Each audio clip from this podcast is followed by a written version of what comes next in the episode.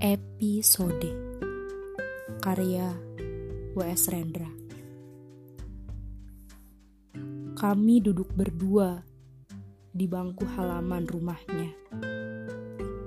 Pohon jambu di halaman itu berbuah dengan lebatnya.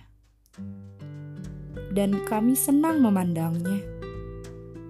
Angin yang lewat memainkan daun yang berguguran Tiba-tiba ia bertanya, "Mengapa sebuah kancing bajumu lepas terbuka?"